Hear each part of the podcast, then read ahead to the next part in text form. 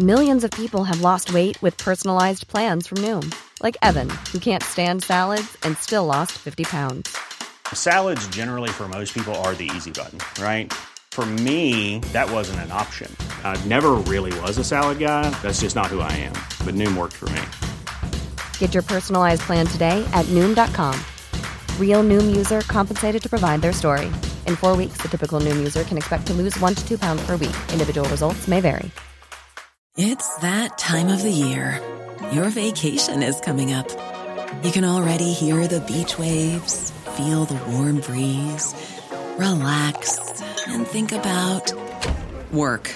You really, really want it all to work out while you're away. Monday.com gives you and the team that peace of mind. When all work is on one platform and everyone's in sync, things just flow wherever you are. Tap the banner to go to Monday.com.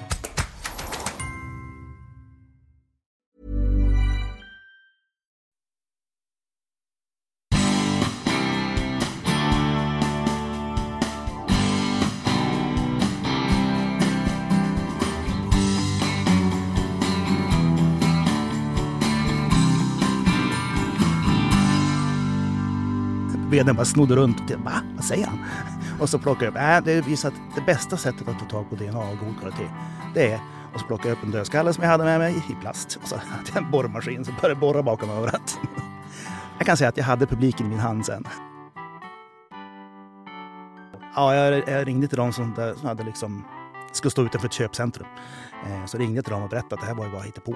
Och då fick de springa ut och stoppa betongbilen som skulle gjuta fundamentet.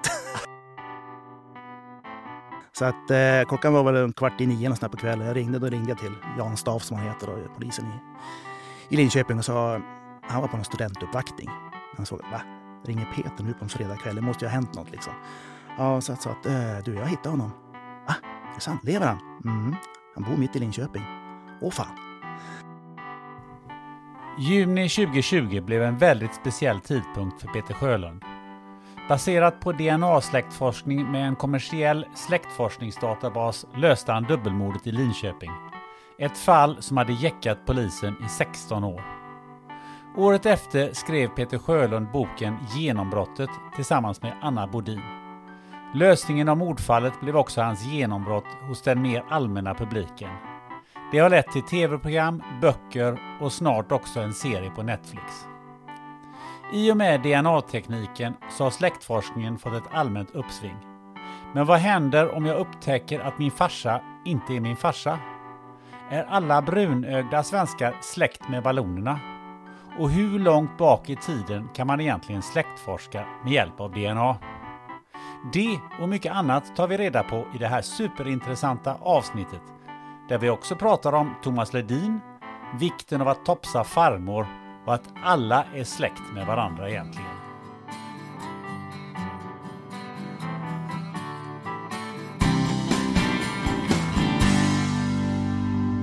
Varmt välkommen till spännande möten Peter Sjölund. Tackar, tackar.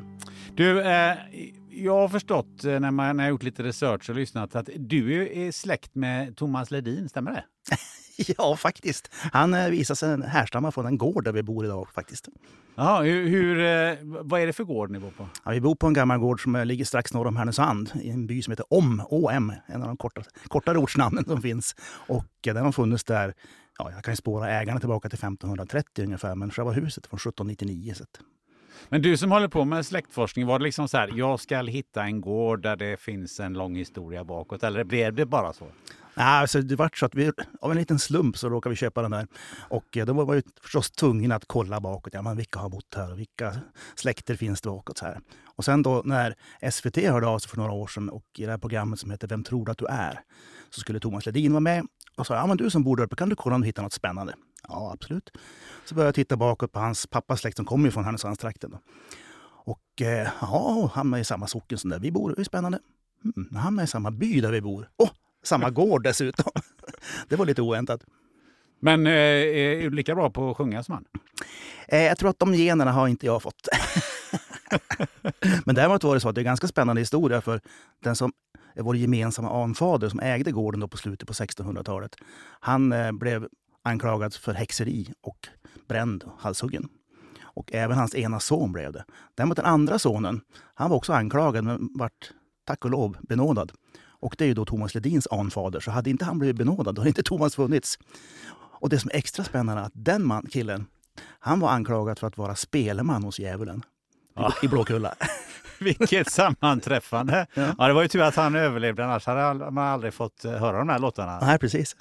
Du, eh, vi ska ju prata släktforskning och eh, DNA i, eh, i alla möjliga vinklar i det här avsnittet. Eh, du har ju också kommit med, ut med ett antal böcker och du har kommit ut med en bok precis nu som eh, säger Alla är vi väl valloner. Eh, ge oss en kort eh, inblick i vad det är för bok. Ja, men det är en bok där jag går igenom eh, både sanna och kanske mindre sanna släkthistorier som cirkulerar i Sverige. Bland annat det här med att nästan vem man än frågar som inte har släktforskat säger nej, jag vet ingenting om släkten. Men jo, valloner är vi, för mormor var mörk. Och eh, det där har jag hört i alla år och tänkt, vad sjutton, alltså, det måste jag gå till botten med. Varför säger alla så?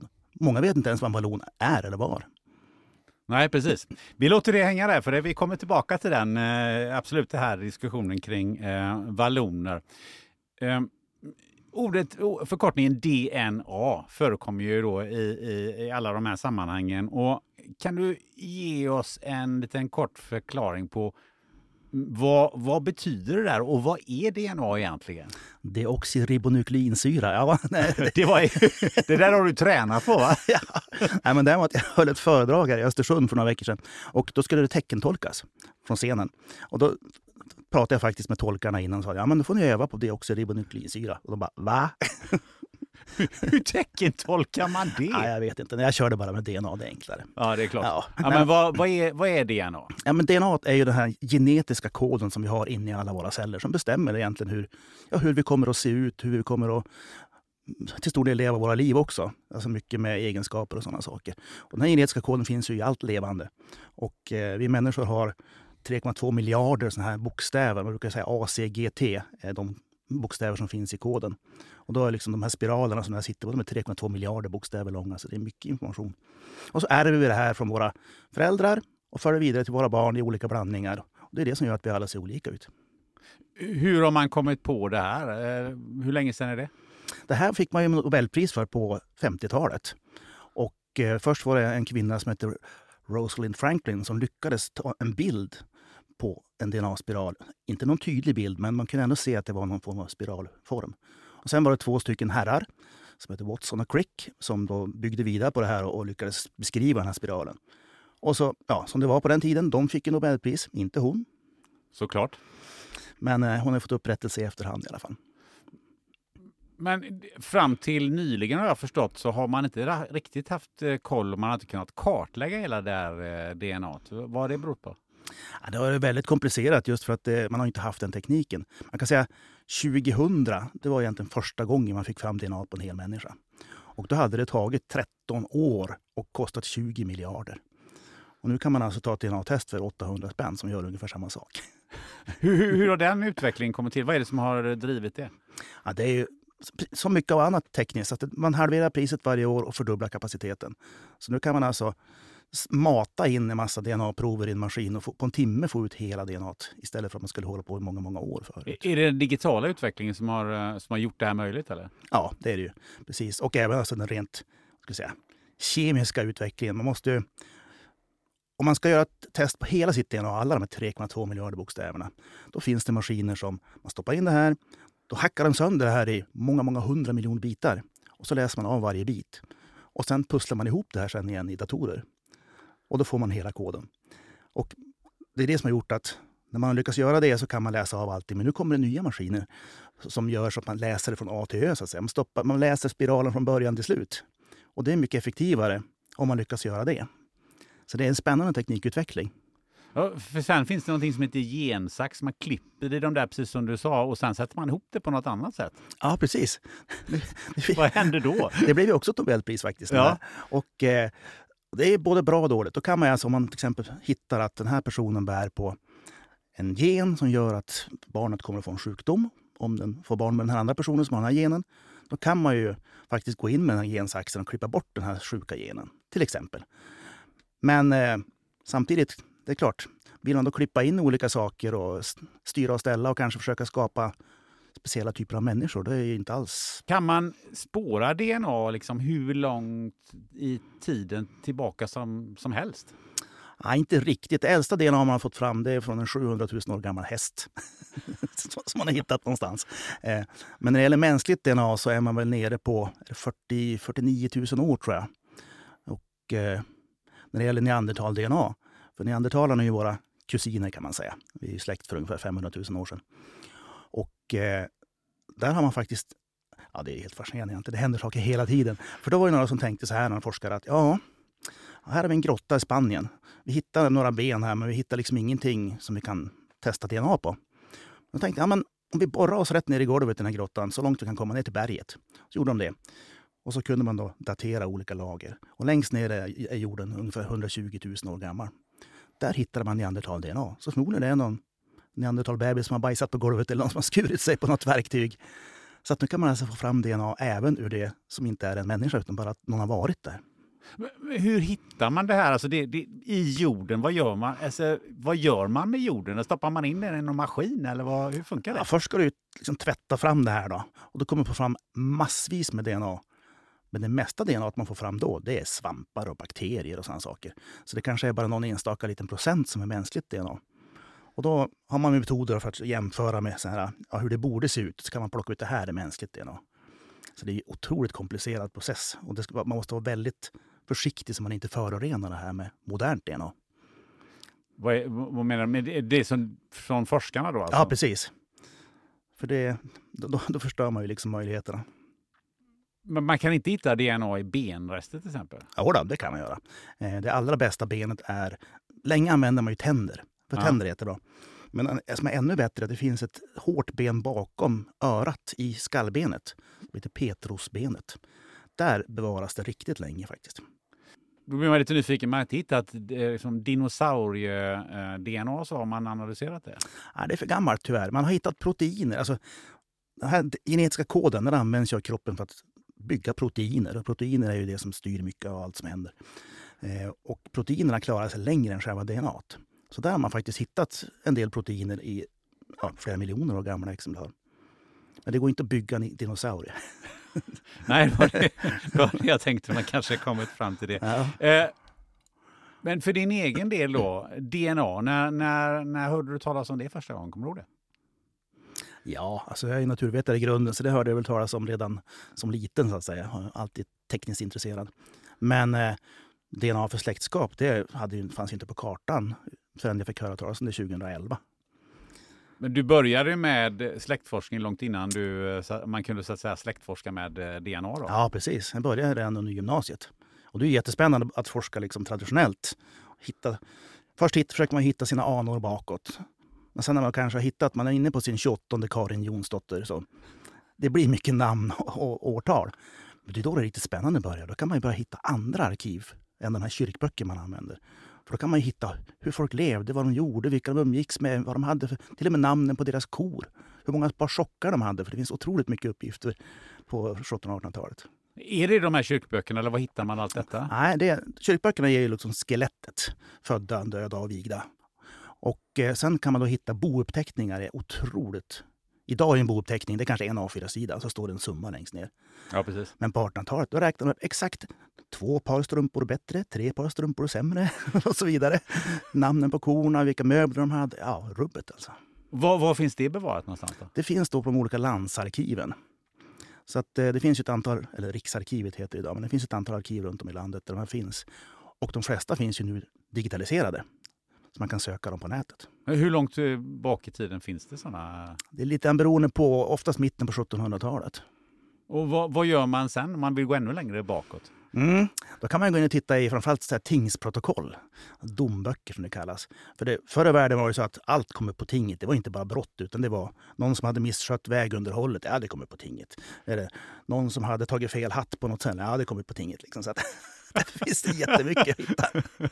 och hur långt bak sträcker det sig då? Ja, det sträcker sig till början på 1600-talet faktiskt. Ja, om man går ännu längre bak, vad händer då? Ja, då måste, Då måste man ge sig in i något som kallas för eh, landskapshandlingar, fogderäkenskaper. Det fanns ju fogdar som kungen hade i alla landskap. Och de fick ju då föra räkenskaper varje år och skicka in till, till kungen. Och där står det ju det blir mindre och mindre information, men där finns det listor på alla som bodde på alla gårdar, hur många kor de hade och vilken, hur mycket säd de skördade varje år. Så då kan man komma tillbaka ända till 1535 faktiskt. Är det lite någonstans där eh, när Gustav Vasa eh, kom till, till makten i, i Sverige, att, att där någonstans börjar man kartlägga vad, vilka vi var och hur många och räkna och hur mycket vi ägde och skördade och sådär? Ja, exakt så. Han ville ha en skatt. Och för att få in skatt så måste man notera vilka människor finns det och vad äger de för någonting. Så att det är egentligen ja, idag, jag är ju egenföretagare, kanske inte alltid jublar över Skatteverket, men eh, ja, det var ganska bra att dra in skatt på den tiden. Varför började du med eh, släktforskning överhuvudtaget? Ja, men det, är, ja, det var en slump. Jag gick in på biblioteket i Kramfors som hade, man hade byggt om ett nytt bibliotek, jättefint. Och så fanns det en liten sån här apparat där man skulle kunna läsa någonting på någon skärm. Jag förstod att aha, här ska man tydligen stoppa in någon slags mikrofilm. Så att jag hittade pärmar som stod bredvid den apparat. apparaten. Det är ju inte en tanke på släktforskning, det var bara liksom, hur funkar apparaten? Och så hittade jag en pärm där det stod Ytterlännäs socken. Och där är mamma född. Jag tänkte, ja, jag tar väl ett kort här då, och så stoppar jag in och en massa mikrofilmsbilder på olika kyrkobokssidor.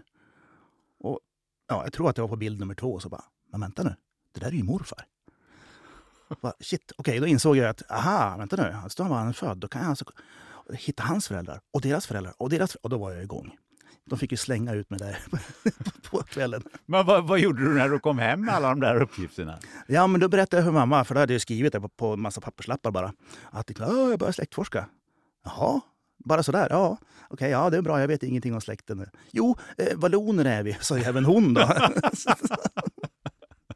och vad, vad gjorde det att du sen att du, att du triggades att gå vidare med det här? Var, var, varför blev du just hooked på det här? Bra fråga egentligen. Jag, innan dess var jag egentligen inte historieintresserad och så. Men det kan ju bero mycket på att jag menar, historia i skolan är väl kanske inte det roligaste. Det är kungar och krig. Liksom. Men här blir det din egen historia på något vis och riktiga människor som levde där du kanske bor idag. Och då var det jättespännande att kartlägga liksom, hur har det sett ut här förut och vilka har levt här. Vad, vad hittade du om eh, mamma och pappa och bakåt och sådär? Hur långt kom du? Ja, jag hittade massor spännande, men ja, hur långt? 1390 ungefär som längst. Eh, den så kallade Buresläkten uppe från Västerbotten. Men eh, man hittar ju, det är spännande livsöden hos de flesta människor som levde då. Även kanske i stort och smått. Men även torpare och sånt hade ju, råkade ut för saker och gjorde saker som är spännande. Är det så att det är vissa släkter som är ursläkter i Sverige? Eller, för någonstans så kommer ju vi till, jag vet inte, 7000 år sedan eller när, när Sverige eh, befolkades. Finns det någon sån här ursläktled eller, eller hur ser det ut så långt tillbaka i tiden? Vet du det? Nej, det gör inte det. Alltså, går vi tillbaka till ja, tusen år till exempel, då har vi ungefär, alla vi har ungefär en halv miljard anor, alltså anfäder och anmödrar. Och grejen är att det fanns inte ens en halv miljard människor på jorden då. Så det innebär att vi alla har samma anor, vi är alla i släkt med varandra. Så att det finns liksom inte någon ursläkt. Utan man kan titta på, där är också DNA verkligen hjälpt forskarna att titta på hur har människan rört sig över jorden. Ut från Afrika för 60 000 år sedan. Och så ser vi att när isen försvann här så kom det jägare-samlare för ungefär 11 000 år sedan. Både via Danmark, för då kunde man gå över från Danmark, det fanns inget vatten i Öresund.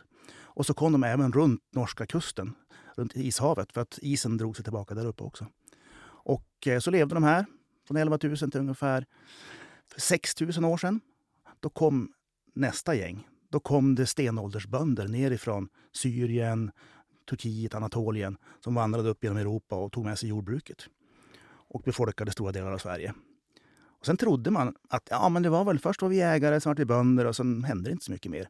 Men då visade det sig att när man började titta verkligen på den här gamla delen från gamla skelett och så här, så nej, men det finns något mer. Det har hänt mycket mer efteråt. Och då visade det sig att det kom en tredje våg, som mm. egentligen är den största vågen, för ungefär 4 500 år sedan. Och det var män, framförallt män, från de här stäpperna norr om Svarta havet, ja, dagens Ukraina kan man säga, som, som välde in i Europa österifrån. Och eh, hade med ny teknik, de färdades i vagnar, de hade nya vapen av, av brons. Så att eh, de tog egentligen över ganska mycket. Och det ser vi också i Sverige. I Sverige så 40 procent av alla som lever idag, de härstammar från det här gänget som kom då under bronsåldern. Mm -hmm. För de som kom, om man tänker österifrån eh, på, på senare tid sen, till exempel mongoler och, och så, har, har, vi, kom de någonstans eh, bort till oss också? Finns det några släktskap där också? Nej, inga tydliga kopplingar. Nej. Det, finns, det finns en DNA-gren som man har trott har att göra med det, men det verkar inte vara så. Utan...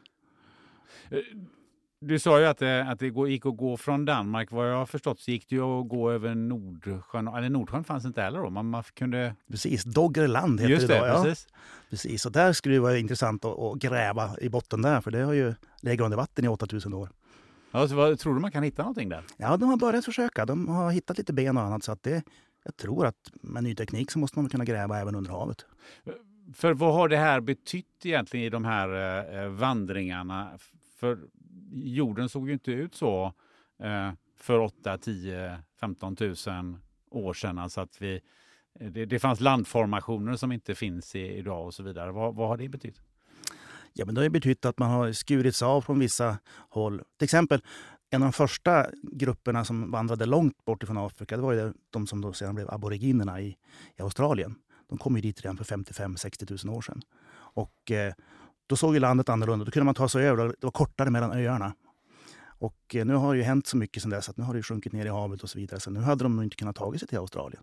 När du, när du kartlägger det här så, så kan man ju se lite eh, vad, vad ens egen gener, var de kommer ifrån. Hur, hur, kan man, hur kan man se det så långt bak? Att ja, men här finns det eh, 49 procent kommer nog utav dig från Syrien och så kommer det så här mycket från Afrika och lite öststat och sådär. Hur, hur kan man se det? Det där tycker jag är bland det mest spännande. Men eh, jag hör att du har, du har gått på marknadsföringen från bolagen. Du säger 49 procent och så vidare. Och det där marknadsför de stenhårt. Ta ett DNA-test, du får en karta var du kommer ifrån. Du är 6 procent italienare. Nej, det där är mest marknadsföring. Okej, okay. låt, oss, låt oss döda det då. ja, precis. För då jämför man ditt DNA med nu levande människor och försöker hitta likheter. Och det där, ja, 25 procent kan lika gärna vara noll. Men då finns det två delar av DNA som verkligen går att spåra så långt tillbaka. Alla vi män har ju Y-kromosomer och de kommer ju alltid från pappa. Mm. Och sen har ju alla människor har något som heter mitokondrie-DNA och det kommer alltid från mamma. Och det gör ju att det mitokondrie-DNA som jag bär på, det kommer från min mammas mammas mammas mammas mammas hela vägen tillbaka till Afrika för 150 000 år sedan. Och det här kan man spåra bakåt och jämföra med, det finns över 15 000 förhistoriska människor som har fått sina skelett analyserade. Då. Och då kan man jämföra och se vilka man är, faktiskt är släkt med. Mm -hmm. Och hur de har rört sig. Hur, men hur noga kan man veta att, att ja, men du har så här mycket, stor del kommer därifrån och så där? Kan man se det? Eller? Nej, då kan du bara se den raka farslinjen, raka morslinjen. Så att då får du ett exempel. Min, min morfars Y-kromosom, den har inte min mamma ärvt. Men eh, då har ju hon en, en, en bror som har en son. Och han bär ju på den Y-kromosomen. Så då har jag testat mm. honom förstås. Mm. Och så får jag den farslinjen tillbaka också. Någonting man kan fundera på är ju varför vandrade man iväg från Afrika eh, på den tiden? Det kan inte varit så tätt befolkat. Nej, det var det ju inte. Utan det var, man tror att det kanske fanns några tiotusental människor på olika håll i Afrika. Och människan har ju alltid velat liksom upptäcka nya områden, kanske hitta bättre jaktmarker och så vidare. Så det var bara det att det var ju också klimatförändringar. Det var, Sahara var ju grönt ibland och ibland var det ju väldigt torrt. Så det är säkert sådana saker som har drivit iväg människor också. Att mycket man anpassat sig till klimatet. In the market for investment-worthy bags, watches and fine jewelry, Rebag is the answer. Rebag is a luxury resale platform where each piece is carefully inspected by experts to ensure quality and authenticity. Use Rebag to buy and sell finds from the world's top brands, including Louis Vuitton, Chanel, and Cartier. Head to Rebag.com to get 5% off your first purchase with code REBAGNEW. Shop today at Rebag.com. That's R E B A G.com. And use promo code REBAGNEW for 5% off your first purchase. If you thought the only way to get a more defined jawline with natural looking results was through surgery, think again. Juvederm Volux XC is a non surgical injectable gel filler that improves moderate to severe loss of jawline definition and can help you achieve natural looking results with little downtime. Even better, this improved definition lasts up to one year with optimal treatment. No maintenance required. Improve jawline definition for a smooth, sculpted look with Juvederm Volux XC. For important safety information and to find a licensed specialist, visit juvederm.com. That's J U V E D E R M.com. Not for people with severe allergic reactions, allergies to lidocaine, or the proteins used in Juvederm. Common side effects include injection site redness, swelling, pain, tenderness, firmness, lumps, bumps, bruising, discoloration, or itching. There's a risk of unintentional injection into a blood vessel, which can cause vision abnormalities, blindness, stroke, temporary scabs, or scarring. Talk to a licensed specialist to find out if it's right for you. A lot can happen in three years, like a chatbot may be your new best friend. But what won't change? Needing health insurance. United Healthcare Tri Term Medical Plans, underwritten by Golden Rule Insurance Company, offer flexible, budget friendly coverage that lasts nearly three years in some states. Learn more at uh1.com. Du, Om vi, eh, eh, om vi hoppar lite, eh, tänkte jag, eh, till, till dagens eh, eh, värld. Eh, det, är ju, det, det är ju en liten boom av släktforskning eh, som, som pågår just nu. Varför vill man släktforska från första början, tror du? Ja, men jag tror att dels har det blivit lite, ja, men lite hippt faktiskt. Och det är mycket lättare idag. När jag började då skulle man sitta med de här mikrofilmerna och liksom kanske måste beställa från något bibliotek någonstans. Men nu finns ju alla de här kyrkböckerna avfotade i, i färg på nätet så man kan liksom söka själv. Det tror jag att det är mycket enklare och tillgängligare. Det är en orsak. Sen tror jag också det att vi, det händer så mycket. Allting går så fort idag. Man har liksom, många kanske inte ens vet vad mormor hette. Och då, då kanske man börjar tänka men nu måste jag börja ta reda på var kommer jag ifrån egentligen. Jag tror att det är en liten rotlöshet. Ja, för jag tänkte just det, att vad, vad finns det för drivkraft hos människor som faktiskt, att faktiskt bry sig om sin, sin släkt bakåt? Ja, nej, men jag tror att det kan vara just den rotlösheten. Men sen är det också så att det kommer en massa nya släktforskare nu. Och de kommer in via DNA. För DNA är ju, jag menar, man har sett CSI på tv och så vidare. Så det är lite häftigt. Så tar man ett DNA-test och så får man upp en lång lista på, oj, är jag släkt med alla de här människorna? Hur är jag släkt? För DNA visar ju bara att vi är släkt, inte hur vi är släkt. Då måste du börja släktforska. Så det är många som kommer in den vägen i släktforskningen också. För det är ju lite det här som jag funderar på ibland. Om man släktforskar, är det så här eh, är, det, är det någon upptäckarglädje i det här? Eller vad, vad, och, och, och oftast gör man ju det när man blir lite äldre. Så är det. Tyvärr är det så att många gör grundmisstaget, som även jag gjorde, att inte prata med farmor och farfar, mormor och morfar. Intervjua de äldsta släktingarna och spela gärna in vad de säger. För när de är borta så kan ju inte någon berätta det där längre. Det är liksom steg ett i släktforskningen, men det är lätt att missa. Ja, för det, det där är ju intressant. Eh, jag äh, har ju mina föräldrar i livet fortfarande. Och de är 96. Oj, oj, oj. Ja. Uh, och uh, jag har spelat in, jag tror jag har 26 timmar uh, historia. Så det var intressant att du säger det. Från, dera, från det att de då, de är födda 27 i Tyskland. Ah, just eh, och sen har de då eh, dels upplevt, eh, som min mor brukar säga, den bruna diktaturen och sen bodde de i Östtyskland så det var den röda diktaturen och sen så, sen så tröttnade de och så kom de så småningom till Sverige. Då. Ehm, så det är en intressant historia i sig då. Um, men no någonting jag funderar på... Jag kan, jag kan säga också, det är ja. jättebra att du har, har verkligen fångat det. Då. Men det du också borde passa på att fånga medan de är i livet, det är att de deras DNA. För de har ju dubbelt så mycket DNA från gamla tider som du har. Du har ju bara fått hälften från pappa och hälften från mamma. Så att gör ett DNA-test på båda mäns tid är. Hur, hur, ska jag göra det? Ja, ja, men du beställer det på nätet och eh, då finns det flera olika bolag. Och det smartaste är faktiskt att beställa från Ancestry.se. Vad heter det? Ancestry. Mm. Stort amerikanskt bolag. Och då kan man tänka, jaha, är de bäst? Nej, inte nödvändigtvis, men de är störst. Och fördelen är att då kan man ta det resultatet sen och föra över det till MyHeritage och till Family Tree DNA. Då är man på tre ställen för ett enda test. Mm. Vad är för fördel med det? Då får du olika, du, du jämförs med personerna som är testade hos de olika bolagen. Så du kommer få släktmatchningar, många fler matchningar i och med att du är på tre ställen. Hur går ett sånt eh, test till? Hur gör man för att uh, ta DNA från ja. människor? det är ganska enkelt. Vissa bolag topsar man sig, skrapar sig på insidan kinden. Och på Ancestry då spottar man saliv i ett rör helt enkelt och sen skickar man in det. Mm -hmm. Svårare än så är det inte? Nej, inga blodprover behövs. Nej, för jag någonstans eh, har jag hört att du, Eh, du gick ut med det där att det bästa sättet var ju bara just där bakom örat. Ja, jo precis. Det var någon föredrag du hade va? ja, eller hur? Jo, precis. Jag var... jag ska faktiskt dit nu igen här i höst och prata i Texas, Houston, där Family Tree DNA håller till. Och så var jag på deras konferens för några år sedan. Och eh, ja, då, vdn, ägaren för hela företaget, det är ju stort, jag menar, det var 400 pers där. Och, ja, han introducerade första talaren och jag var först. Det var lite spännande i och för sig. Då. Så det gick jag upp. Han, han gick liksom ner längs mittgången bland alla deltagarna. Och sen så ställde jag mig. Ja, jag måste tyvärr börja med att berätta att den här metoden som det här företaget använder för att testa DNA, det är helt outdated. Liksom. Han bara, Veden bara snodde runt. Och Va? Vad säger han? Och så plockade jag upp. Äh, det visar att det bästa sättet att få tag på DNA av god kvalitet, det är... Och så plockade jag upp en dödskalle som jag hade med mig i plast. Och så hade jag en borrmaskin som började borra bakom örat. Jag kan säga att jag hade publiken i min hand sen. Även vdn. Ett bra, ett bra sätt att, för, eh, och, och, ehm, eh, um, och få publiken med sig.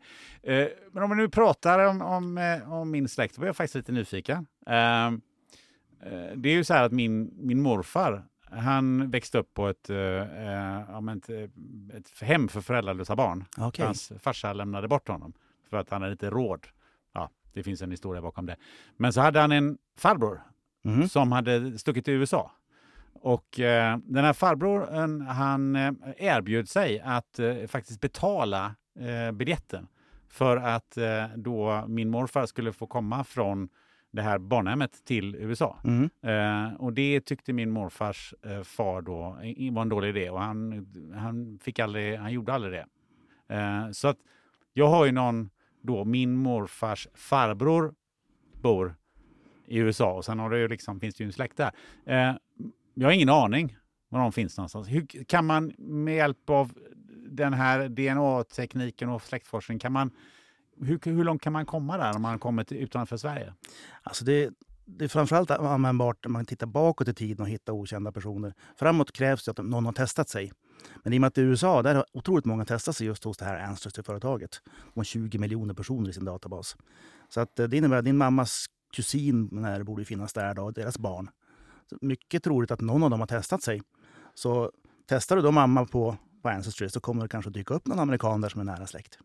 Ja, för det, det är superintressant. Och sen vet jag att min, min mormor hade en kusin, eh, jag tror att det var en kusin, som, som gifte sig med någon och sen stack till, till Chile. Så där finns också en, en, eh, en gren. Hur, hur, ser, hur ser det ut i överhuvudtaget i andra länder? Du säger USA är det ganska bra. Vad, vad...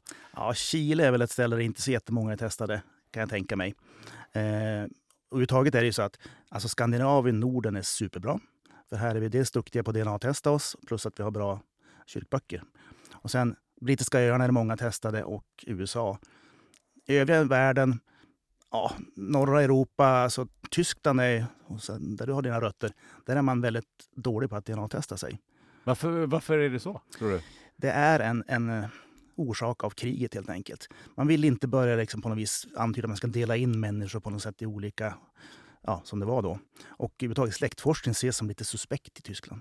Mm. För, för å andra sidan är man ju väldigt duktig på att sortera och registrera. Det, det är man ju en mästare på i, i Tyskland. Det har vi ju exempel på både, både i, Stasi och även innan dess. Och överhuvudtaget eh, tyskar, eh, om man läser och om man bara tar av mina föräldrar, så är man ju väldigt duktig på liksom att sätta saker i permar och, och, och hålla ordning på papper och, och massa såna här grejer. Så det förvånar mig lite som att, att, att det är svårt att Ja, men det verkar som att det är liksom en, en, en rädsla för att man ska liksom hamna där igen. Och det, så att Tyskland har till exempel inget centralt folkbokföring. Man kan inte gå in och kolla liksom, som i Sverige. Utan det är varje stad som, eller amt som har sitt eget lilla arkiv. Så det är jättesvårt att släktforska i nutid, framförallt eftersom det är 110 års sekretess. Så de senaste 110 åren får man inte veta någonting om du inte råkar vara barn till någon som kan fråga efter pappa. 110 år? Det är väl skarpast i hela världen.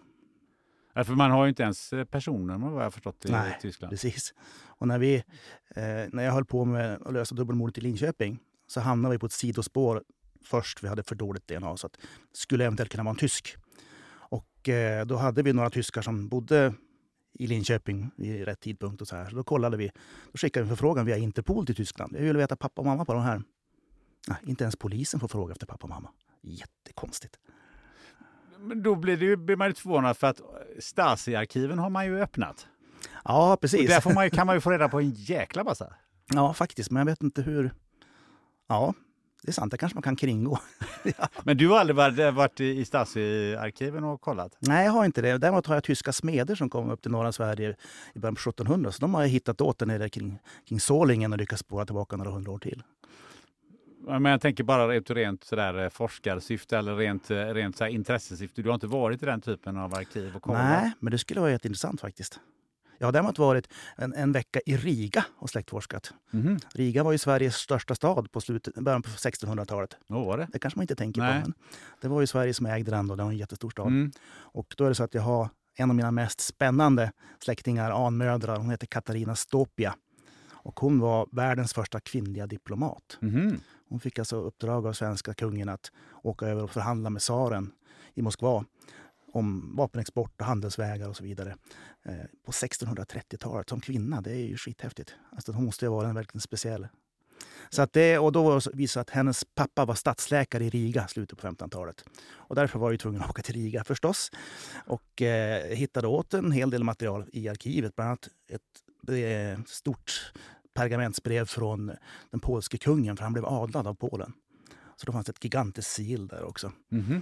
Och sen så är det så att han var ju då stadsläkare och eh, på den gården han då byggde utanför Riga så har man byggt ett jättestort TBC-sjukhus. Och eh, så fick jag veta att det finns en liten ett staty där utanför, ett monument över honom. Jag måste, dit måste jag ju, förstås. Så jag hade skaffat mig en hyrbil och så åkte jag iväg dit. Och sen när jag började närma mig så stod det liksom varningsskylt efter varningsskylt. Jag kunde inte läsa, det var ju på lettiska, men ja, jag tänkte, ja, ja, vad kan det vara? Och så kom jag fram till ett stort byggnadskomplex där, då, det här sjukhuset. Massa människor utanför och alla har munskydd. Då började jag tänka, vänta nu, just det. ja. TBC i Baltikum, nej det är inget bra. Det är liksom resistent TBC. Så, men jag såg det där borta är ju monumentet. Så jag körde fram, ner med rutan, klick, klick, klick med kameran och sen bara gasade därifrån. Men tillbaka till det här varför man vill eh, släktforska. Ehm, funderar man innan, liksom, om, vad, vad ska jag med resultatet till? För det kan ju bli lite överraskande. Ja, eh, det finns ju det finns ju ett gammalt ordspråk inom släktforskarrörelsen som säger att ja, jag lejde en släktforskare som skulle kolla min släkt. Jag fick betala 5 000 spänn för det. Nu får jag betala 50 000 för att han ska hålla tyst. Så att, men det, det tror jag är lite ett gammalt synsätt, för det var ju lite skamligt att upptäcka utomäktenskapliga barn och sånt. Men idag så allt är ju spännande. Hittar man mördare i släkten, det, jätte, det kan vara tragiskt men det är jättespännande att se vad som hände. Du har ju eh, bland annat, eh, vad jag förstått, eh, hjälpt en del att hitta sina, sina pappor. Precis. Jag och mitt DNA-gäng har hittat nästan 200 pappor nu. DNA-gäng. Ja, jag har ett DNA-team. Vi, vi är fem stycken. Okej, vad är det för gäng? Vi är fem företagare som jobbar ihop. Då. Mhm. Så att, eh, oftast kommer förfrågningar in via mig, för det är jag som syns överallt. Och, så här. och sen så hjälps vi åt att fördela ut de här och så löser vi. Nio av tio lyckas vi lösa idag faktiskt, pappor. Nio av tio. Ja, det är helt otroligt. När vi började för tre år sedan så ja, hittade vi ungefär hälften. Men är det för att folk är mer och mer topsar sig? Ja. Eller vad, vad Det är, fler, det det är fler som testar sig och sen har vi naturligtvis blivit mycket duktigare utifrån erfarenheten som vi har också. Och det är, då känns det verkligen som att man har världens mest meningsfulla jobb. Man får liksom ringa det samtalet och berätta hej, du jag har hittat pappa. Det är så, så mycket känslor ofta. Ja, hur brukar reaktionen vara? Ja, men det är ju... Alltså när det gäller pappa, det är inte säkert att pappa lever längre. Han kan ha gått bort. Men, men oftast får man ju åtminstone halvsyskon. Och där, jag skulle säga nio gånger av tio blir jättepositivt. Och de får liksom kontakt. Och man, de börjar skicka bilder när de har träffat och säger kolla vad lika vi är och så här. Och det är ju jätteroligt. Men när, när kan det bli liksom att usch, nej, det, där, eh, det där hade jag inte velat veta? Eller eh, har du varit med om det också? Ja, och just det här med pappor kan det ju bli så. I vissa fall kan det vara så att pappan alldeles nyss har gått bort. Och då kanske med halvsyskon tänker jaha, nu är det någon som är ute efter något arv här. Och då vill de inte ha någon kontakt. Det, ja, det har ju hänt några gånger tyvärr. Och vi spelade ju in här en tv-serie som heter Genjägarna på SVT. Här i Göteborg. Och eh, då skulle vi hjälpa åtta personer att hitta pappa. Och i ett fall så hittade vi pappa. Vi kontakt, tog kontakt med honom så nej, han, han blev arg helt enkelt. Mhm. Han tyckte det här ska vi inte rota i. Mhm. Eh, så vi kunde ju liksom inte sända det då. Men sen visade det sig att ett par veckor så hade han ringt och frågat har jag några barnbarn. då hade det landat. Och de har fått jättefin kontakt nu. Finns det liksom också så här, jag, vill, jag vill egentligen inte veta vad som är, finns här bakom, men man kanske är rädd? Ja, men det tror jag. Många tycker att det, ja, men det här är helt ointressant. Jag struntar väl i vem, vem Kalle var gift med höll på, säga, på 1700-talet. Så att det, den finns ju säkert. Finns det också de som kanske har hört något rykte om att ja, men det var kungen som var pappa till den här mormors någonting. Och så börjar man släktforska och så upptäcker man torpare och bönder, torpare och bönder. Och så blir de besvikna. det har jag hört faktiskt. Det, man tror att det finns liksom någon fin släkt inom citationstecken. Varför nu olika släkter är olika fina förstår jag inte riktigt. Men... Nej, det var just det mm. jag tänkte komma till. Det. Var, varför, är det, varför är det fint att liksom med, med släkten, men människorna är ju ändå döda? Ja, eller hur? Precis. Nej, alltså jag vet inte. Och det tror jag det kanske håller på att dö bort, det där synsättet. Men det finns en äldre generation släktforskare som eh, har hållit på de här släktmyterna. Jag skriver mycket om det i den här boken också. Alltså det finns, man har kopplat ihop släkter med riddare och kungar. Alltså man har helt enkelt förfalskat släktkopplingar bara för att få en finare släkt. Och det där har ju börjat dö ut, men då finns det en äldre generation som håller fast vid. Och då är det tydligen viktigt på något vis för den personen att ja, men jag hade en riddare i släkten på 1200-talet för mig tycker jag, jaha, det spelar väl ingen roll. Det är samma person ändå, men tydligen var det viktigt, eller var viktigt. Nej, för det, det är lite det här att eh, vad är dina anor? Är du finare om du har andra eh, liksom anfäder där, där bak? Varför, varför är det så tror du? Det ligger nog det ligger nog lite långt längre tillbaka i tiden. Jag menar, går vi hundra år tillbaka, då var det verkligen skillnader mellan människor. Man skulle säga, säga ni och herrn och frun och eh, grosshandlaren och allt vad det var. Mm. Så det kan vara det att det, på den tiden var det, det var finare att inte vara pigan längst ner. Liksom. Men idag är det ju ett helt annat samhälle. Sen tänker jag så här, jag menar, är man av, av kunglig börd, framförallt kanske i England eller Frankrike eller sånt där, alltså då har man ju då har man ingen bra DNA.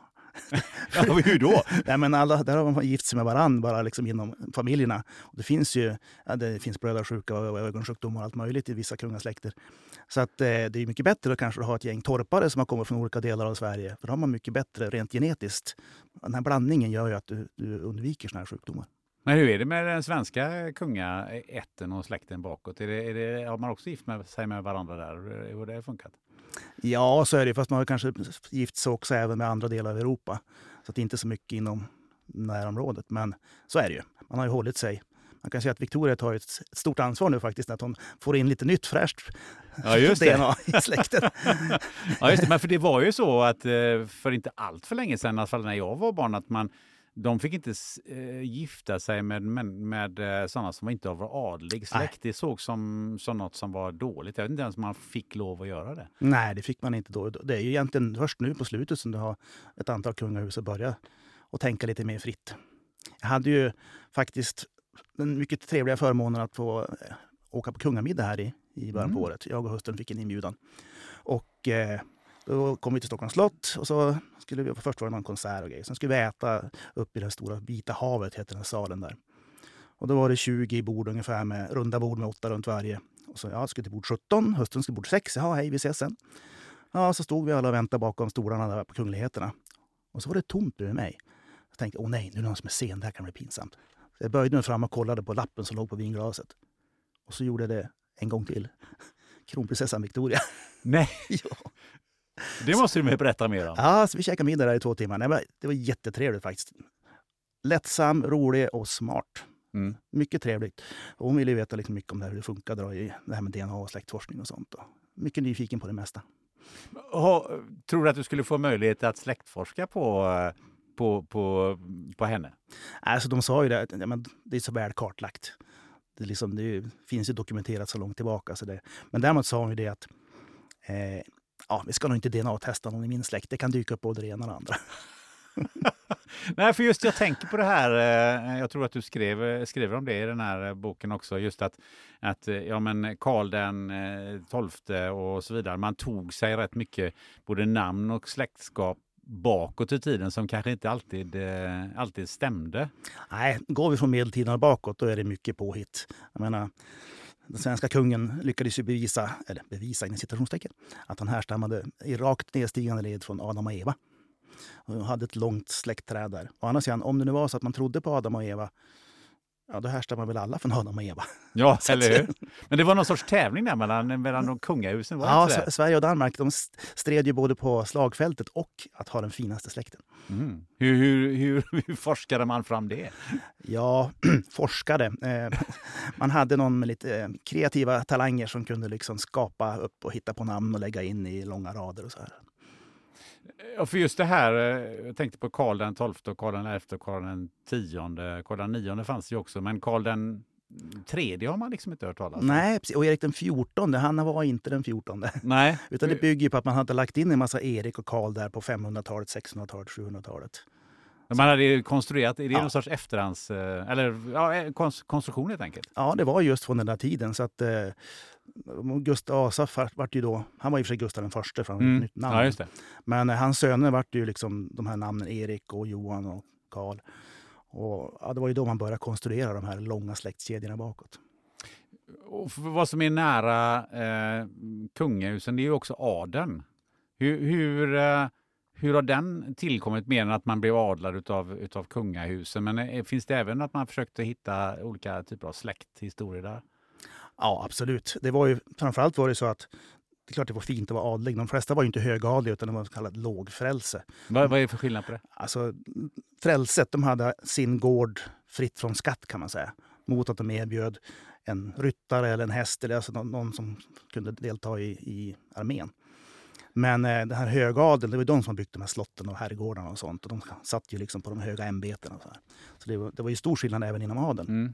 Men eh, sen då i början på 1600-talet, då blev det så att då var man tvungen att vara adlig för att få de här statliga jobben. Alla liksom lite högre tjänster. Det- skulle bara gå till adeln. Och då var det förstås populärt också att även för adeln försöka Ja, okej, vi kanske inte är någon riktig adelssläkt, men om vi kopplar ihop oss på den här mannen här bak, då är vi en gammal svensk uradel. Så det finns mycket kreativa exempel där också. Hur har reaktionen varit på om du, skulle, om du börjar f- släktforska just på det här? För just jag tänker mig adeln, där, eh, även idag kan man väl hitta människor där som eh, skulle bli rätt sura om man in- inser att ja, de är inte alls adliga. Ja, absolut. Det finns vissa adelssläkter som tycker det är jättespännande just att de har sån gammal historia. Till exempel att göra ett DNA-test och kolla liksom, stämmer det här hela vägen tillbaka. Sen finns det andra som kanske tänker tvärtom att mm, ett DNA-test ska nog inte ta, då kanske inte är en von någonting. Men kanske till och med bli skölden bli nedtagen i riddarhuset. ja, ja, precis. Så illa kan det inte gå tror jag. Men du, vi nämnde ju vallonerna här i, i, i början. Berätta lite om, om vallonerna. Varför, varför säger vi att vi, eh, så fort det är någon som är mörk, eh, lite mörkhårig och lite bruna ögon, ja, då är det en vallon. Ja, Vad är, eh, om vi börjar med, vad är en vallon? Se, vad är, en vallon är en person som kommer från Vallonien.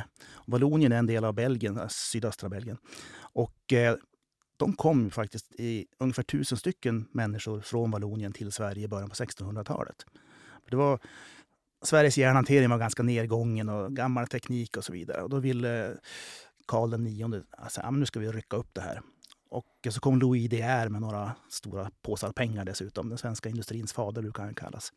Och då plockade han upp de här skickliga järnarbetarna från just Vallonien. Och man började tillverka järn på ett nytt sätt som var mycket effektivare och var mycket bättre järn. Och man gjorde kanoner på ett nytt sätt också i Finspångs bruk. Och det här var precis alldeles innan 30-åriga kriget. Så Sverige blev ju världsledande på vapenexport och det blev egentligen början på stormakten Sverige. Så att de här tusen, det är inte så många, med familjer i sig, som kom till Sverige, de vart järnbruksarbetare, smeder och kolare ute i skogen för att fixa bränsle till de här bruken. Då. Så de gjorde ju en viktig insats för den svenska järnframställningen. Men det var ju 400 år sedan. Det kan inte vara därför alla går omkring och säger att man är valloner idag. Och det vill jag verkligen gå till botten med i den här boken. Och då visade det sig det att ja, de var viktiga då, men sen föll de lite i glömska. Och så på slutet av 1800-talet då började de lyftas fram igen som en slags ideal för arbetarrörelsen. Och Strindberg skrev om dem att de var liksom en... Uh, han använde såna rastyper och såna saker, men de var liksom en, verkligen en stark rastyp. Och sen kom de här rasbiologerna i början på 1900-talet. Då, och de skrev ju att alla mörka människor är hemska människor, utom vallonerna. De är fina och har bidragit med positiva saker. Så att man liksom höjde dem till skyarna då. Och det är klart att om nu mormor levde under kriget till exempel och fick höra att oh, tänk hon kanske är tattare som man sa då, resande eller samiskt blod. Nej, det är, nej, nej, hon är vallon förstås. Det är ju fint. Och så har det hängt med i släkten att ja, men mormor sa alltid att hon var vallon. Och nu tre generationer senare kanske folk inte ens vet om vallon är, men de säger fortfarande att ja, hon, sa att hur, många är, hur många är vi som har vallonskt blod i oss i, i Sverige egentligen då?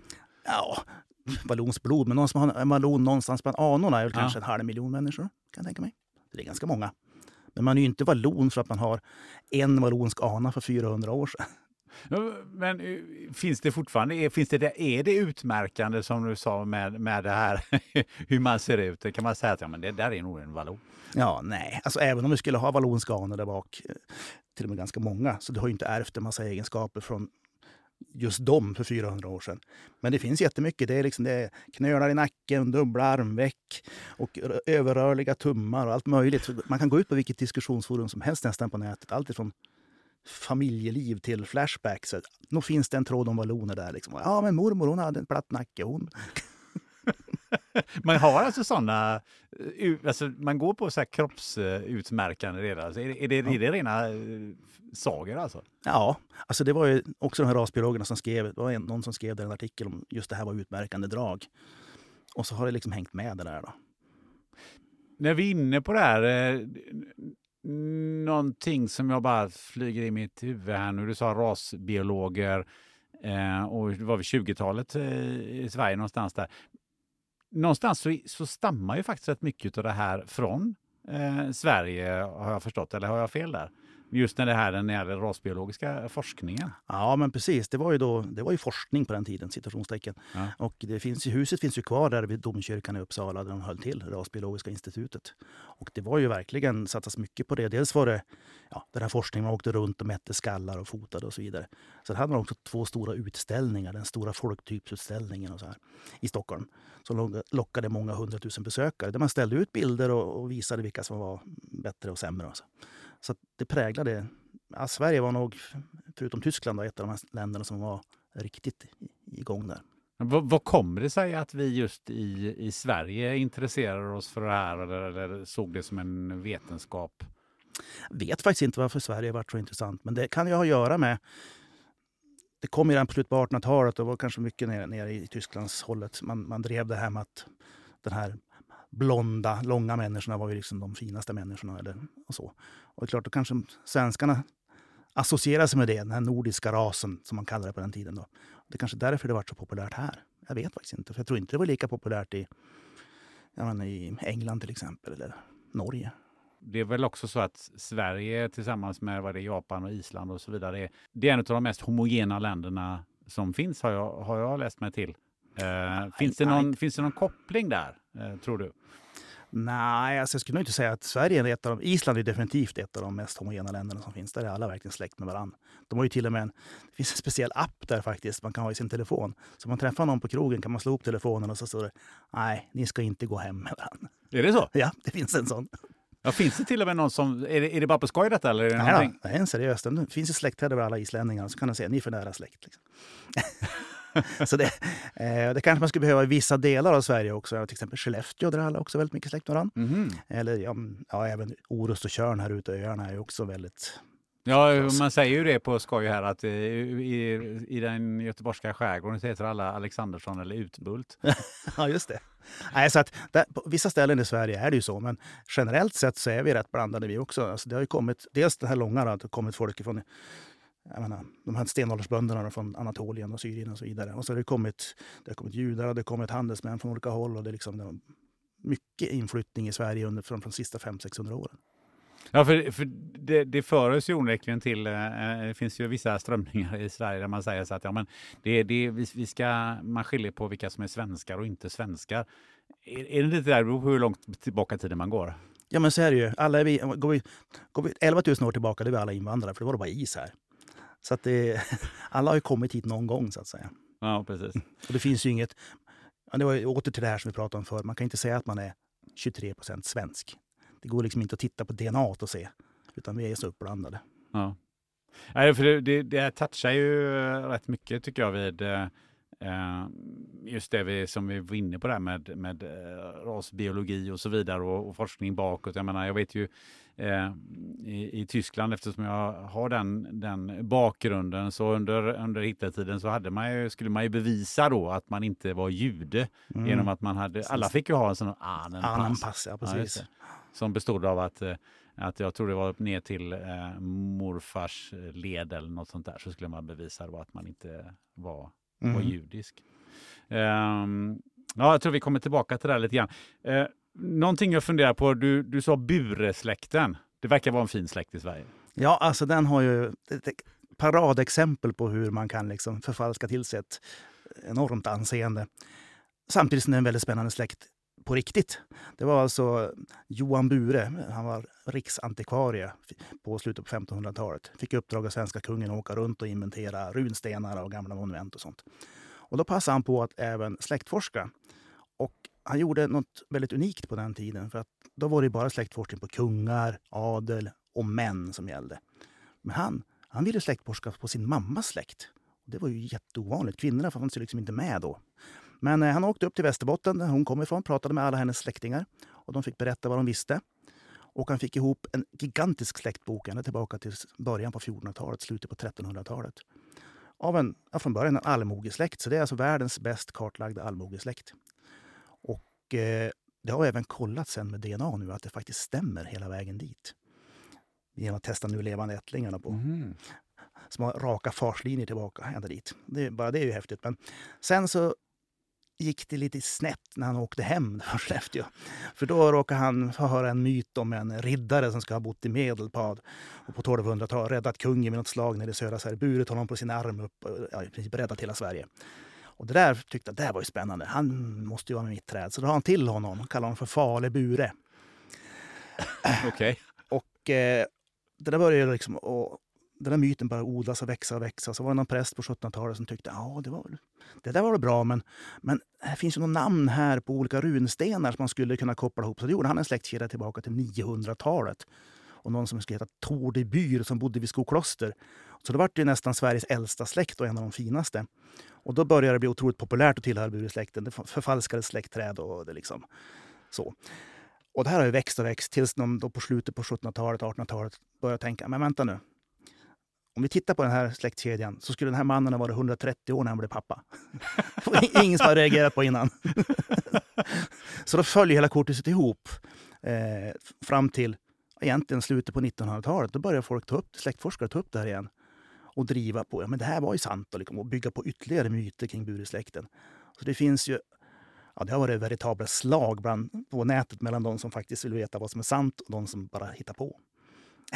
Hur, hur har reaktionerna varit eh, eh när, när eh, man har kommit att ja, men det här, du är inte alls släkt med de här? Och har, har folk blivit förbannade? Och så? Absolut. Eh, vi hittade en gren av buresläkten som hade en påhittad härstamning. Och det kollade vi med DNA, stämde ju inte. Och eh, när vi skrev om det så fick jag ju ett antal mejl där det stod så att ja, det kan hända att de här människorna inte funnits på riktigt, men jag tänker nog inte ändra i mitt släktträd. Nej, varför vill man ha påhittade personer?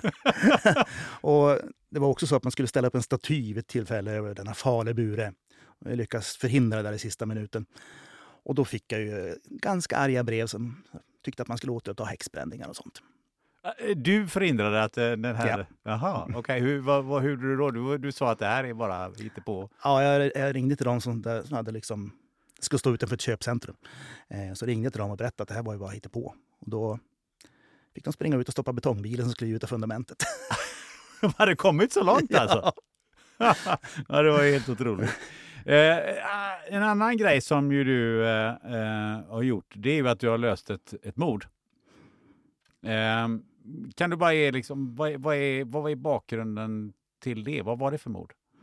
Det var ju den näst största polisutredningen i Sveriges historia efter Palmemordet. Det var dubbelmordet i Linköping 2004.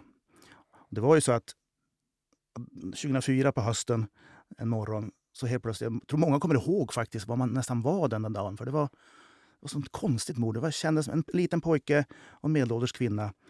Helt utan samband med varann. I Linköping som var inte så stort på den tiden. Så det här tror jag många kommer ihåg att man hörde på radion. Och det här har då jäckat polisen. Polisen sa att ja, men vi har mördarens DNA för när man hittade kniven. Där fanns det DNA från tre personer. En var mördarens. Då. Och så hittade man även en mössa som man hade slängt i tidningsställ där det också var blod. Man sa vi har mördarens DNA, vi har ja, hyfsade vittnesuppgifter. Och det här, vi brukar lösa sånt här. Det kommer att ta sin tid, men eh, vi kommer att lösa det här. Men tiden gick. Man var 60 poliser som jobbade med det här. Man Oj. kallade in FBI för att få någon ytterligare blick på det hela. Man topsade över 5 000 män runt om i Linköping bara för att kanske få träff på någon. Man hade mer än 6 000 förhör, fick in över 7 000 tips. Alltså en gigantisk polisutredning. Men tiden gick, det blev kallare och kallare i det här fallet. Och eh, 2019, då hade det alltså gått nästan 16 år, då fick man höra från USA att nu kan man använda DNA-släktforskning för att hitta okända gärningsmän. Och det, det var ju smart tänkt av den släktforskaren som kom på det, för vi hittar ju okända pappor, det är precis samma metod egentligen. Så att eh, då, när jag hörde att man i Linköping funderade på att vi, ska prova den här metoden, så då tänkte jag det här det är jättebra, men det är ju inte så enkelt. Så att, eh, jag ringde och frågade, behöver ni hjälp? Ja, det behövde man. Så att eh, då fick jag komma ner till Linköping och då var utredningsgruppen nere på två poliser och ut- förundersökningsledaren. Det hade verkligen krympt så långt. Och de här två poliserna skulle dessutom gå i pension. Så att det var som sista halmstrået. Men då fick vi fram den här DNA-profilen från den här gärningsmannen, skickade upp den till en släktdatabas i USA och fick ju träff på ett antal personer där som då är släkt med gärningsmannen på något sätt. Inga nära släktingar, men eh, ändå hyfsat några stycken som rimligtvis var släkt på slutet på 1700-talet. Och då kan man ju tänka, va? 1700-talet? Ja, är det nära? Men det är faktiskt hyfsat nära i det här sammanhanget. För då kunde jag liksom med hjälp av det här bygga ett släktnät, hur de är släkt med varann. Och sen kunde jag se att den enda familjen som passade in i hela pusslet till slut hittade det, det var ju den här familjen Nyqvist där dubbelmördaren Daniel Nyqvist då fanns. Men hur, hur, det, det är fascinerande. Alltså att, hur kunde du bygga det framåt från 200 år? Hur, kan, du, kan du berätta lite? Det? Hur, hur funkar det? Det låter ju som lite hokus pokus. Ja, precis. Jag kan tipsa om att titta på dokumentären DNA-detektiven som finns på TV4. Mm. Där går igenom ganska mycket hur jag gör. Och sen fick jag förmånen att skriva en bok tillsammans med en journalist på Dagens Nyheter som heter Genombrottet där jag också berättar hur det funkar. Mm. Eh, och den blir ju dessutom nu Netflix-serie. Sådär ja. ja, men då har du gjort bra, bra reklam för den. att, ja, precis. Men- kan, Eh, nej men, det går ju till så att steg ett, de här personerna är släkt på något sätt med mördaren. Forskar jag bakåt på dem för att se hur de är släkt med varann. När jag hittar hur de är släkt med varann, då utgår jag från de här människorna som är deras gemensamma anor någon gång i tiden. Och så vet jag att då finns mördaren någonstans bland deras barnbarns barnbarn. Så då är det bara att man liksom forskar framåt. Och det blir väldigt stora familjer på 1800-talet. Men man letar rätt på alla nu levande ättlingar som var födda på 80-talet som skulle kunna passa in. Då. Män.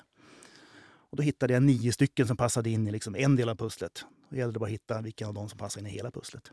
Så det är mycket släktforskning. Jag kartlade säkert 800 personer.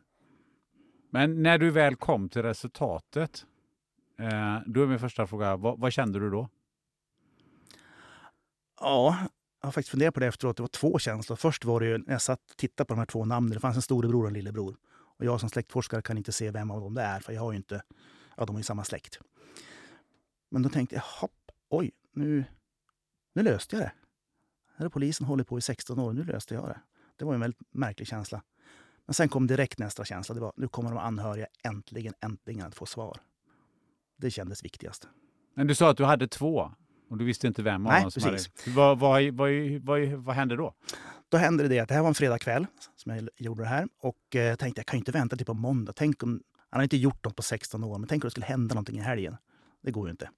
Så att eh, klockan var väl en kvart i nio på kvällen. Jag ringde, då ringde jag till Jan Staff som han heter, då, polisen i, i Linköping och sa han var på någon studentuppvaktning. Han såg, va? Ringer Peter nu på en fredagkväll? Det måste ju ha hänt något liksom. Ja, så jag sa att eh, du, jag hittade honom. Är det sant? Lever han? Mm. Han bor mitt i Linköping. Åh fan. Och han kände ju samma sak. Alltså ja, vi måste ju sätta igång direkt. Så att jag ringer åklagaren, sa han, och så skulle jag prata med hans poliskollegor så vi ska börja kartlägga vilken av bröderna verkar troligast.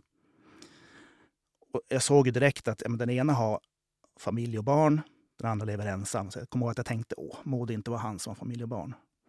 Men eh, ganska snart stod det klart att lillebror passade in på sex punkter av sju i gärningsmannaprofilen som GW Persson gjorde 2004.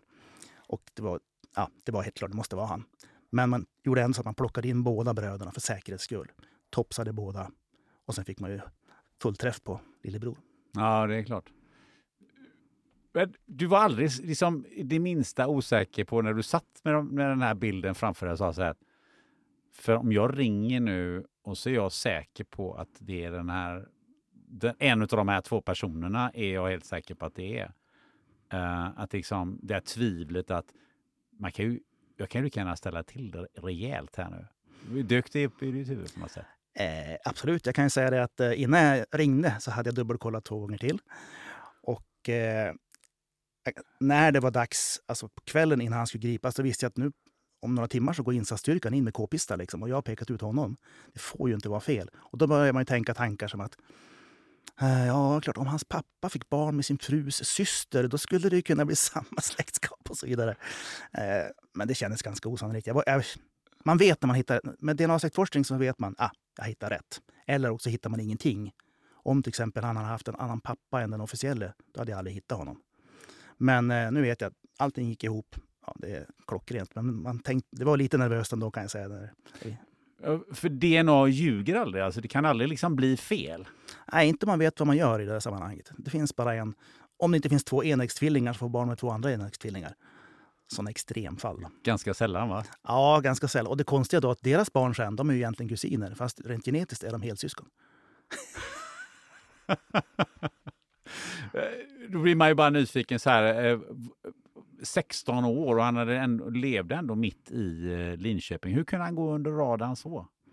Ja, han har ju, han har ju suttit i sin lägenhet i princip i 16 år. Han, han, han var ju sjuk, både då när han begick brottet och även nu. Så han är ju, det är också tragiskt. Jag menar, han är inget monster, utan jag har sett hans betyg. Fram till gymnasiet gick det jättebra.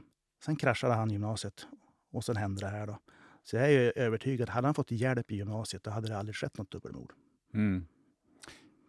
Och sen satt han som sagt i sin lägenhet. Och, ja. Orsaken att man inte hittade dem eller var väl kanske att han inte begick några mer brott? Nej, precis. För att man hade ju fyra teorier. Dels, ja, han kanske är död, gärningsmannen. Eller han kanske flyttat utomlands. Då hittar vi honom inte. Eller han kanske sitter inlåst på en institution någonstans. Sjuk då. Eller också, ja, minst troligt, han kanske bor någonstans här i Linköping. Och det var ju det, så det var. Nu, nu, I det här fallet så fanns det, liksom, det fanns en kniv som var slängd, vad sa du, slängd i en papperskar? Ja, ah, den var slängd längs vägen. Ja, längs vägen och så var det någon mössa mm. och så var det ju blod på den. Men hur mycket behöver man och hur får man tag i det här DNA? Eh, man säger att någon har varit inne i ett rum och, och, och gjort någonting och gått ut därifrån. Alltså vad, vad, behöver man lämna efter sig? Ja, det är en otrolig teknisk utveckling där också. Man kan väl säga här också i Linköping, han skar sig lite i handen litet, man kan se ett litet, litet R. Inte, kanske en halv centimeter, en centimeter. Tack och lov. Annars har vi inte haft något DNA. Och då hade vi inte hittat honom. Så det var ju turligt nog att han skar sig. Men idag behövs det ungefär en tusendels blodsdroppe för att få fram tillräckligt mycket DNA. Vilket är väldigt lite. Så att blod, sperma, saliv, allt sånt är jättebra att få fram DNA Men även hudceller. Ifall man har tagit i saker så kan det finnas kvar hudceller som man kan få fram DNA ur. Men kan det vara så lite som att en person har varit inne i ett rum, skakat på huvudet och gått ut därifrån igen, så, så kan det finnas DNA kvar? Är det så? Så kan det vara. Det kan ju lossna ett hårstrå till exempel. Och förr i världen behövde man alltid, eller förr i världen, fram till i fjol ungefär, så behövde man alltid ha hårsäcken. Men nu har man hittat metoder för att få ut DNA även ur hårstrået. Hur går man tillväga? Säg att du, du, du har sett ett, det har blivit, ett brott har begåtts i, eh, i en lägenhet eller något sånt där. Mm du hittar inte eh, blodspår med en gång. Det kanske inte ens är ett mord utan det kanske är något vanligt eh, brott. Man har varit inne och, och, och stulit något och, och, och sådär. Men kan man, kan man hur går man tillväga för att hitta det? Man måste ju dammsuga allting då, eller hur, hur gör man? Det måste ju vara en fruktansvärt massa material man får in också. Ja, det är det. Jag, vet, jag kan inte exakt deras metoder, men eh, det är väldigt mycket insamlande. Jag menar, fingeravtryck är en sak, man går och borstar överallt. Men som du säger, man dammsuger och man håller på plockar in textilier och sådana saker där det kan finnas någonting. Idag är det, så, det är ingen idé som man har i de här gamla eh, eh gangsterna som höll på liksom med, eh, med eh, handskar. Det, liksom, det, det räcker liksom inte. Nej, det räcker. Nu är det rymddräkt som gäller om du klarar det. Så, och då kan man ju tänka, ja, om, du, om någon går in här i det här rummet och sen så skakar de på huvudet och så lossnar det lite öronvax eller vad det kan vara. Mm. Och så hittar polisen det på en brottsplats. då får jag ofta höra, ja men det där är ju inget bra. Då, då kan du ju hitta mig som släkting till någon och då blir jag misstänkt. Nej, alltså det räcker inte att man hittar ditt DNA på en brottsplats, utan det är en massa annan bevisning som behövs för att kunna visa att det faktiskt var du också som begick brottet. Ja, just det. Man vet bara att du har varit på plats. Du kan ju ha varit där på plats eh, en vecka innan. En vecka innan. Ja, precis. Så att det är liksom ingen risk att man ska hamna i fängelse bara för att man råkar spotta på marken. Även där då, hur långt tillbaka kan man hitta eh, DNA då? Eh, kan det vara flera år tillbaka där i, i ett rum eller så? Ja, ett rum kan ju vara svårt om städat mycket. Men till exempel eh, Helenmordet nere i, i Hör i Skåne, som många kanske känner igen från, det väl, löstes för kanske för 15 år sedan. Men där var det, hon var ju kidnappad och så hittade man hennes mördare många år efteråt. För att i den stugan där han, han höll henne så hittade man bakom golvlisterna hårstrån, tror jag det var. Så då kunde man knyta att hon hade varit där. Så att sådana ställen det kan ju bevaras hur länge som helst nästan. De här kalla fallen eh, som går långt tillbaka i tiden, eh, då hade man inte den här DNA-tekniken. Men har man ändå varit så försigkommen så att man har behållit de här gamla bevismaterialet, eh, hur långt tillbaka finns det? Om man kan forska i det? Alltså, så att, så att om man tar ett kallt fall från 50-talet, eller sånt där, ska man kunna ta upp det? då? Ja, tyvärr, i många fall så är ju själva materialet borta. Man kanske har flyttat lagret. Och jag träffade någon som de hade flyttat hela bevislagret till en ny byggnad. Och då slängde man det mesta från 90-talet och bakåt. Och eh, i en del fall från 90-talet då tog man ut ett DNA-prov och så läste man av det med polisens metoder. Och då läste man av 15 ställen på DNA. Eh, vi släktforskare läser av 700 000 ställen, så det är en helt annan teknik. Men, och så sparar man de här 15 siffrorna och så slängde man själva provet. Ja, och då står man där och ja, det har vi ingen nytta av om man inte begår ett nytt brott. Ja, för, men här hade man behållit mössan och, och de här grejerna? Det fanns Exakt. kvar? Jajamän, tack och lov. Och det är väl de här riktigt grova brotten där ser man väl till att det är så. För det, är det som är det som man kan tänka på är ju att man, på den tiden fanns inte den typen av teknik, DNA-teknik, men ändå så tänkte man att det kanske kom någon gång i framtiden. Eller hur kommer det sig att man sparar på grejer som är 15, 20, 30 år gamla? Ja, men det var ju just så. Man, man tog ut DNA 2004 med den teknik man hade och så visste man ju att det kommer att komma ny teknik om vi behöver den i framtiden så att allting sparas. Då. Mm, alltså man hade en aning om att det skulle kunna komma ny teknik? Ja, precis. Jag tror att från 2000 så har man nog vetat, tänkt så. Men just slutet 80 90-talet, då, då, tänkte man nog inte så. Nu löste du ju detta då. Um, hur många nya fall för, kan vi förväntas lösas här nu den närmaste tiden framöver? Ja, just den närmaste tiden inga alls faktiskt. För det var så att efter inköpen gjorde man en utvärdering. Alla var ju jättepositiva. Det var ju, kunde inte bli mer lyckat. Men eh, Datainspektionen sa att så här får man inte göra. Nej. Det finns en mening i brottsdatalagen, en mening bara, som gör, gör att polisen får inte söka i de här databaserna på det här sättet. Så att eh, man sa även det att det polisen gjorde i Linköping var olagligt. Så jag är ju jättetacksam att de inte frågade innan. Då hade vi inte fått hitta mördaren. Men eh, då var det stopp och så tillsatte man en utredning, regeringen. Och den var klar nu här i juni, somras. Och eh, den är jättepositiv. Den föreslår att man ska få använda det här hos polisen när det gäller just mord, grov våldtäkt, grov våldtäkt mot barn. Och det är ju jättebra. Men nu ska det här ju då malas, det ska ut på remiss och så vidare. Så att, vad jag förstod nu så 1 januari 2025 kan man börja igen. Så man fällde den här mördaren med olagliga metoder? Nej, för det var inget bevis. Det här var en spaningsmetod att hitta honom. Beviset ja. blev polisens vanliga topsning. Aha, ja, okej. Okay. Så vägen fram var egentligen olaglig, men själva topsningen ja, var laglig? Ja, precis. Aha, okej, okay, vad intressant. Mm. Eh, för du nämner det här med integriteten och, och eh, dat Datainspektionen som hade, som hade synpunkter på det där. Eh, hur ser du på det i, i allmänhet? Vad, vad, finns det några integritetsproblem med den här typen av eh, forskning? Nej, jag skulle säga att det tycker jag inte nu. Alldeles i början när man använde den första gången i USA, då fanns det det. För då kunde man söka databasen ja, fritt. Det fanns liksom inga begränsningar för polisen. Men numera har den här databasen infört att du måste kryssa i att du är okej okay med att synas för polisen som släkting. Annars får de ingen träff på dig. Och då har du liksom gett ditt medgivande. Och då tycker jag att har man klarat av det här etiska. Sen är det också så att som man gör idag, om man tar Linköping, man kallade in 5000 män på topsning. Och det är inte så trevligt att måste komma in och topsa sig som misstänkt mördare eller en möjlig mördare. Plus att man var tvungen att åka hem till ett antal familjer som hade förlorat sina söner i självmord. Och träffa föräldrarna och säga ja, vi måste tyvärr utesluta att han var en dubbelmördare och så kan vi topsa er. Oj. Fruktansvärda möten för båda parter. Det hade man inte behövt göra här. Det är bättre som jag gjorde. Då. Gå tillbaka några hundra år och forska på en massa människor som är döda sedan länge och sen peka. Det är han, topsa han. Det är mycket mindre kränkande på någon. Jag, jag tänker eh, på eh, det det du sa att man söker fäder och, och som ju då är eh, i, i vissa fall kan ju vara spermadonatorer. Um, ehm, om deras barn då, alltså det biologiska barn, eh, kan ta reda på vem som är farsa. Hur, hur många, många män är det som donat, donerar spermier då? Om de vet att ja, men de, där kan ju barnen komma och kanske ställa krav eller ställa dem mot väggen eller vad vet jag. Ja, sedan, dels har man ju ingen rätt att ställa några krav som donatorbarn. De har ju liksom ingen inget juridiskt samband.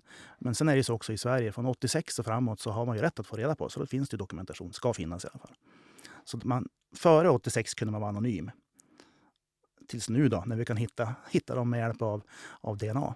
Och eh, då visar det sig att i vissa fall så är det jättepositivt. Vi hittade, det var nio stycken halvsyskon i Linköping som hittade varandra med hjälp av DNA.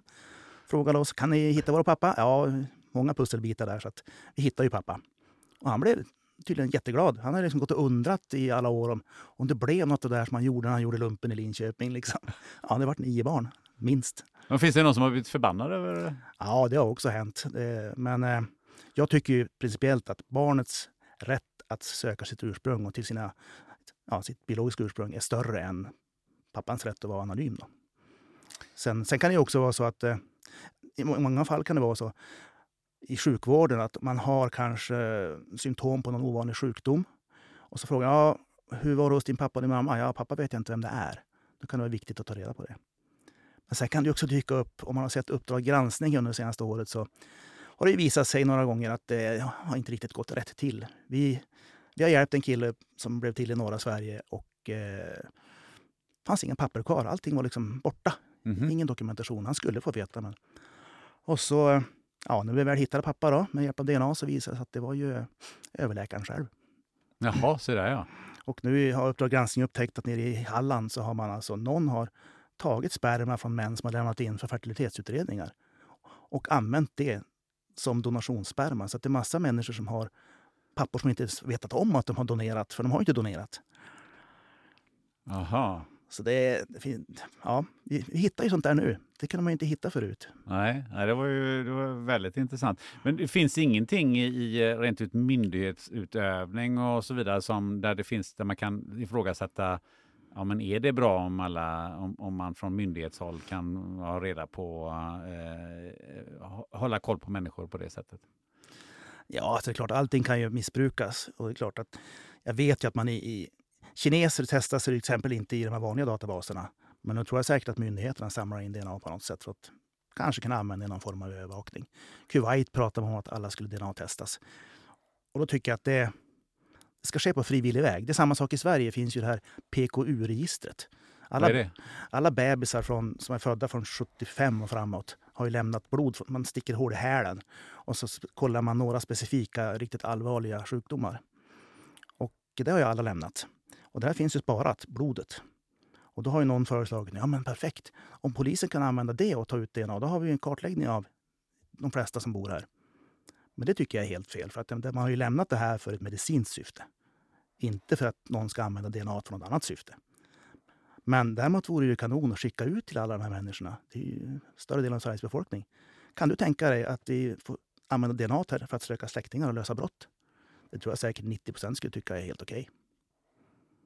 Okay. För du säger Kina, jag, jag läste faktiskt en artikel idag om eh, att, man, att kineserna i samband med, eh, jag tror det med samband med covid skickade, eh, skickade något forskarteam och någon sån eh, sån här bärbar, eh, en sorts bärbar DNA eh, eh, utrustning till Sibirien och så började man eh, eh, kartlägga, eh, och det var det som syftet var, hade någonting med covid att göra. Och just idag, så, jag tror det är Washington Post som skriver att, eh, att man, man är rädd för att, att eh, kineserna just skulle börja kartlägga hela jordens eh, befolkning eh, på det här sättet. Man, och, och, och, har du hört talas om det någonting? Ja, det finns ju de farhågorna att man skulle kunna till exempel, ja, om man kan hitta någon speciell genetisk variant som finns hos just en viss del av en befolkning så skulle man kunna utveckla till exempel bakterier eller virus som slår just bara mot den befolkningen. Det är ganska osannolikt eftersom vi är så blandade allihop. Men, men det är klart, sådana skräckscenarion kan man ju måla upp. Vi är inte där än, men man, allting går att missbruka tyvärr. Så jag brukar säga så här. Eh, när, ja, men vi vågar inte lämna in vårt DNA, för tänk om det kommer en diktator någonstans. Eller om, ja, någon viss president blir vald igen i USA och sådana saker. Vem kan det vara? Ja, jag vet inte. men brukar säga, ja, men det är inte det som är problemet. Det viktigaste då är att vi ser till att vi behåller ett demokratiskt och öppet samhälle. Att det inte blir auktoritärt. Då är det ingen risk med den här typen av tester. Fast det är ett ganska idealistiskt sätt att, att se på det. För steget, dit, steget till en, en ut, urholkad demokrati behöver inte vara en, behöver inte vara en diktatur av kinesisk snitt. Nej, nej, det är sant. Eh, men som steget till att faktiskt ha saker och ting registrerade till att de används för, för andra syften än vad de kanske var avsedda från början. Mm. är ju inte jättelångt. Nej, men brukar tänka om vi hamnar i det läget så är våra släktforskartester ganska liksom ett litet problem i sammanhanget. Då fixar de mitt DNA ändå om det skulle vara det. Ja, du tänker så ja. ja, men jag, jag, tänker det finns ju ändå en viss eh, bäring i det som vi var inne på när det gäller till exempel Tyskland. Mm. Som har den historien de har. Ja, men absolut. Och det finns ju högerextrema grupper som liksom lyfter fram att just den här Y-kromosomtypen, det är liksom den här ja, ursprungs eh, ariska typen och försöker liksom vi koppla DNA till begåvning och sådana saker. Och försöker vrida det till att folk i, som lever i Afrika har sämre IQ beroende på... Ja, allting går ju att vrida och vända på. Mm. Spelar ingen roll om det är forskning bakom eller inte. Nej. man säger så. Du, eh, eh, vi ska börja avrunda eh, lite grann här, men eh, hur, hur, ser du på framtiden? Vad, vad, vad kommer hända de närmaste tio åren? Hur kommer släktforskningen se ut om tio år tror du? Ja, ja när det gäller släktforskning så hoppas jag att fler och fler av de här arkiven blir tillgängliga digitalt. För det är som sagt det är många, många, många, många hyllmil som finns att gräva i. Mm. Så det är det ena. Men när det gäller DNA så tror jag det att då kommer ju betydligt fler vara DNA-testade. Och eh, man kommer att ha mer omfattande DNA-tester, man kan hitta mer avlägsna släktskap också. Fler länder har börjat med DNA-tester så man kan hitta okända pappor och kartlägga släkten i andra länder och inte bara i de länder vi använder idag. Så det tror jag. Och framförallt är det så att just den här forskningen om människans ursprung med hjälp av DNA visar att vi är alla släkt. Faktiskt. Och inte så himla avlägset heller för den delen. Så det tror jag det knyter ihop folk. Man, man minskar liksom den här polariseringen på det sättet, om man använder det på rätt sätt. Det tycker jag låter eh, som ett eh, bra avslutningsord. Just, eh, och det är väldigt positivt att vi, vi faktiskt är släkt med varandra allihopa. Ja, eller hur? Det är fantastiskt. ja. du, nu har vi suttit här och tjatat en stund. Hur tycker du det har varit? Ja, men det var spännande. Det var väldigt många utvikningar hit och dit, men det är alltid kul. ja, det var ju det, det, det, var det du går ut på. Eh, om om eh, jag skulle be dig rekommendera någon som jag borde intervjua den här podden, vem skulle det vara? Alltså Karin Boys. Karin Boys? Ja. Hon är ju, dels är hon här från Göteborg från början. Hon har varit vetenskapsjournalist på DN och hon har skrivit vi skrev en bok tillsammans om hur Sverige befolkas med hjälp av DNA för 10 000 år sedan. Och sen så har hon skrivit två otroliga böcker där hon har kartlagt sin egen och Europas ja, befolkning på kvinnosidan från 40 000 år och framåt. Så hon är jättespännande att lyssna på. Kan otroligt mycket om det här. Ja, för jag tror jag läste en bok. Heter Min, vad heter Min, Min europeiska familj. Min europeiska familj, ja, ja precis. Ja, den kan, man kan jag verkligen rekommendera den boken. Jag läste den för några år sedan faktiskt. Mm. Ja, men det, det, hon är duktig på att berätta och prata. Jättebra tips. Eh, slutligen, var någonstans eh, får man tag på dig om man vill ha tag på sin okände far till exempel? Ja. Enklast är att gå in på hemsidan petersolund.se så kan man klicka sig vidare där. Där finns allt? Jajamän. Eh, tack eh, Peter Sjölund för den här pratstunden, att du tog dig tid. Ja, jättekul. Tack så mycket. Du har lyssnat till det 171 avsnittet av podden Spännande möten med mig, Gunnar Österreich. Hoppas du, precis som jag, blivit inspirerad att DNA-testa dig och dina äldre släktingar för att se vem du egentligen är släkt med. Kanske kungen eller Donald Trump, vem vet? Nästa gång hoppar vi från släktforskningen rakt ner på en krockkudde. En mental sådan i alla fall. Då ska du få träffa Kristina Stieli som lär oss hantera livets utmaningar. Missa inte det!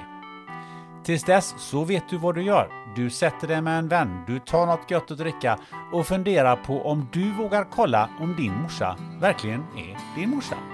Ha det gött!